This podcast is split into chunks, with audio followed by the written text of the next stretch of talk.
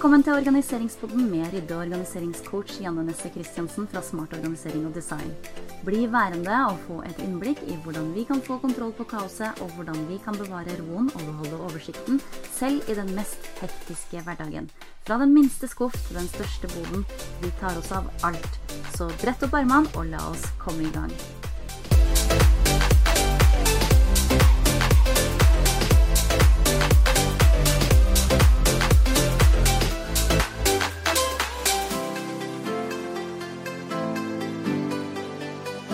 Hjertelig velkommen tilbake til organiseringspodden. Janne her.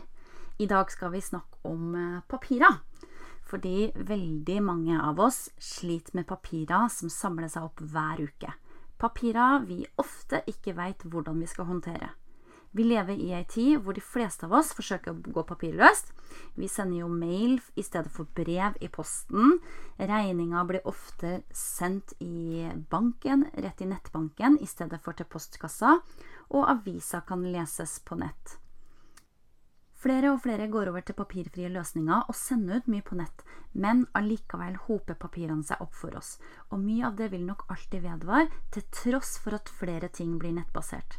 Mange føler kanskje at de mister kontrollen når ting sendes ut på nett.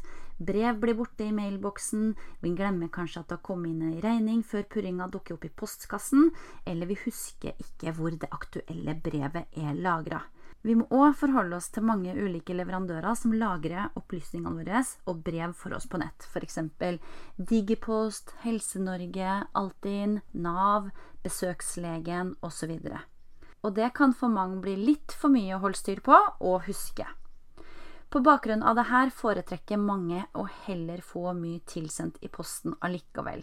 I tillegg har vi mange papirer fra lengre tid tilbake, mens andre ting er av nyere dato.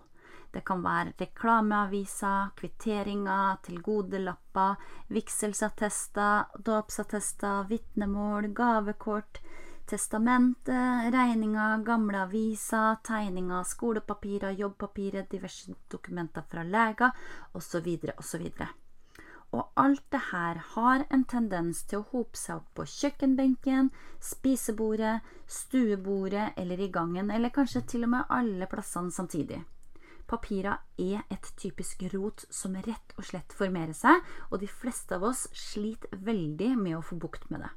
Og for å få kontroll over papirmølla er vi nødt til å gjøre noen grep. Her er noen tips som jeg vil dele med deg i dag. Først så må vi starte med årsaken til hvorfor det hoper seg opp. Dette handler om to ting. Det ene er å ta avgjørelser på hva vi skal gjøre med hvert eneste papir. Og det andre er å finne en fast plass til det. Som med alle andre ting i huset, det som ikke har fast plass, det blir rot. Del papirene opp i kategorier. Noe er arkiv, og noe er løpende papirer. Det vil si at noen av de papirene vi har, eh, må kun lagres til vi en vakker dag får bruk for dem, mens andre papirer må vi ha lett tilgjengelige fordi vi snart kommer til å få bruk for dem. Så start nå med å ta en runde rundt i huset og samle alle papirer, tegninger, aviser osv. i en stor boks eller en kurv. Så kan du gå i gang med makuler og arkiver. Du går gjennom hele boksen eller kurven og sorterer papir for papir.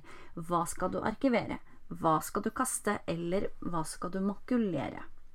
Deretter så sorterer du i kategorier. Det er f.eks. tegninger, legepapirer, regninger, aviser osv. Lag deg et godt system som tar hånd om de daglige papirene dine. Jeg har en egen innboks, eller en papirstasjon som jeg også kaller det. Um, og der uh, får jeg ivaretatt alt som kommer inn i huset. Så er det også lurt at du skaffer deg e-fakturaavtaler eller avtalegiro hvis du vil redusere antall fysiske papirer som kommer inn i huset. Det var det jeg hadde for i dag. Hvis du likte tipsene i denne episoden, så vil jeg anbefale deg å sjekke ut organiseringsportalen.no No. Nå i september 2020 er fokustemaet papirer og planlegging, og vi skaper et smart og effektivt system som hjelper deg med å få kontroll på papirene dine, både de løpende papirene, verdipapirene, og vi lager et arkiveringssystem som du ikke visste at du trenger, og som vil hjelpe deg dersom en livskrise skulle oppstå. I tillegg skal vi også gå gjennom innboksen, eller papirstasjonen, og jeg skal snakke mye mer om hva nettopp det handler om. I den tilhørende lukkede Facebook-gruppa så har vi både live workshops og spørretimer som hjelper deg hvor enn du skulle stå fast.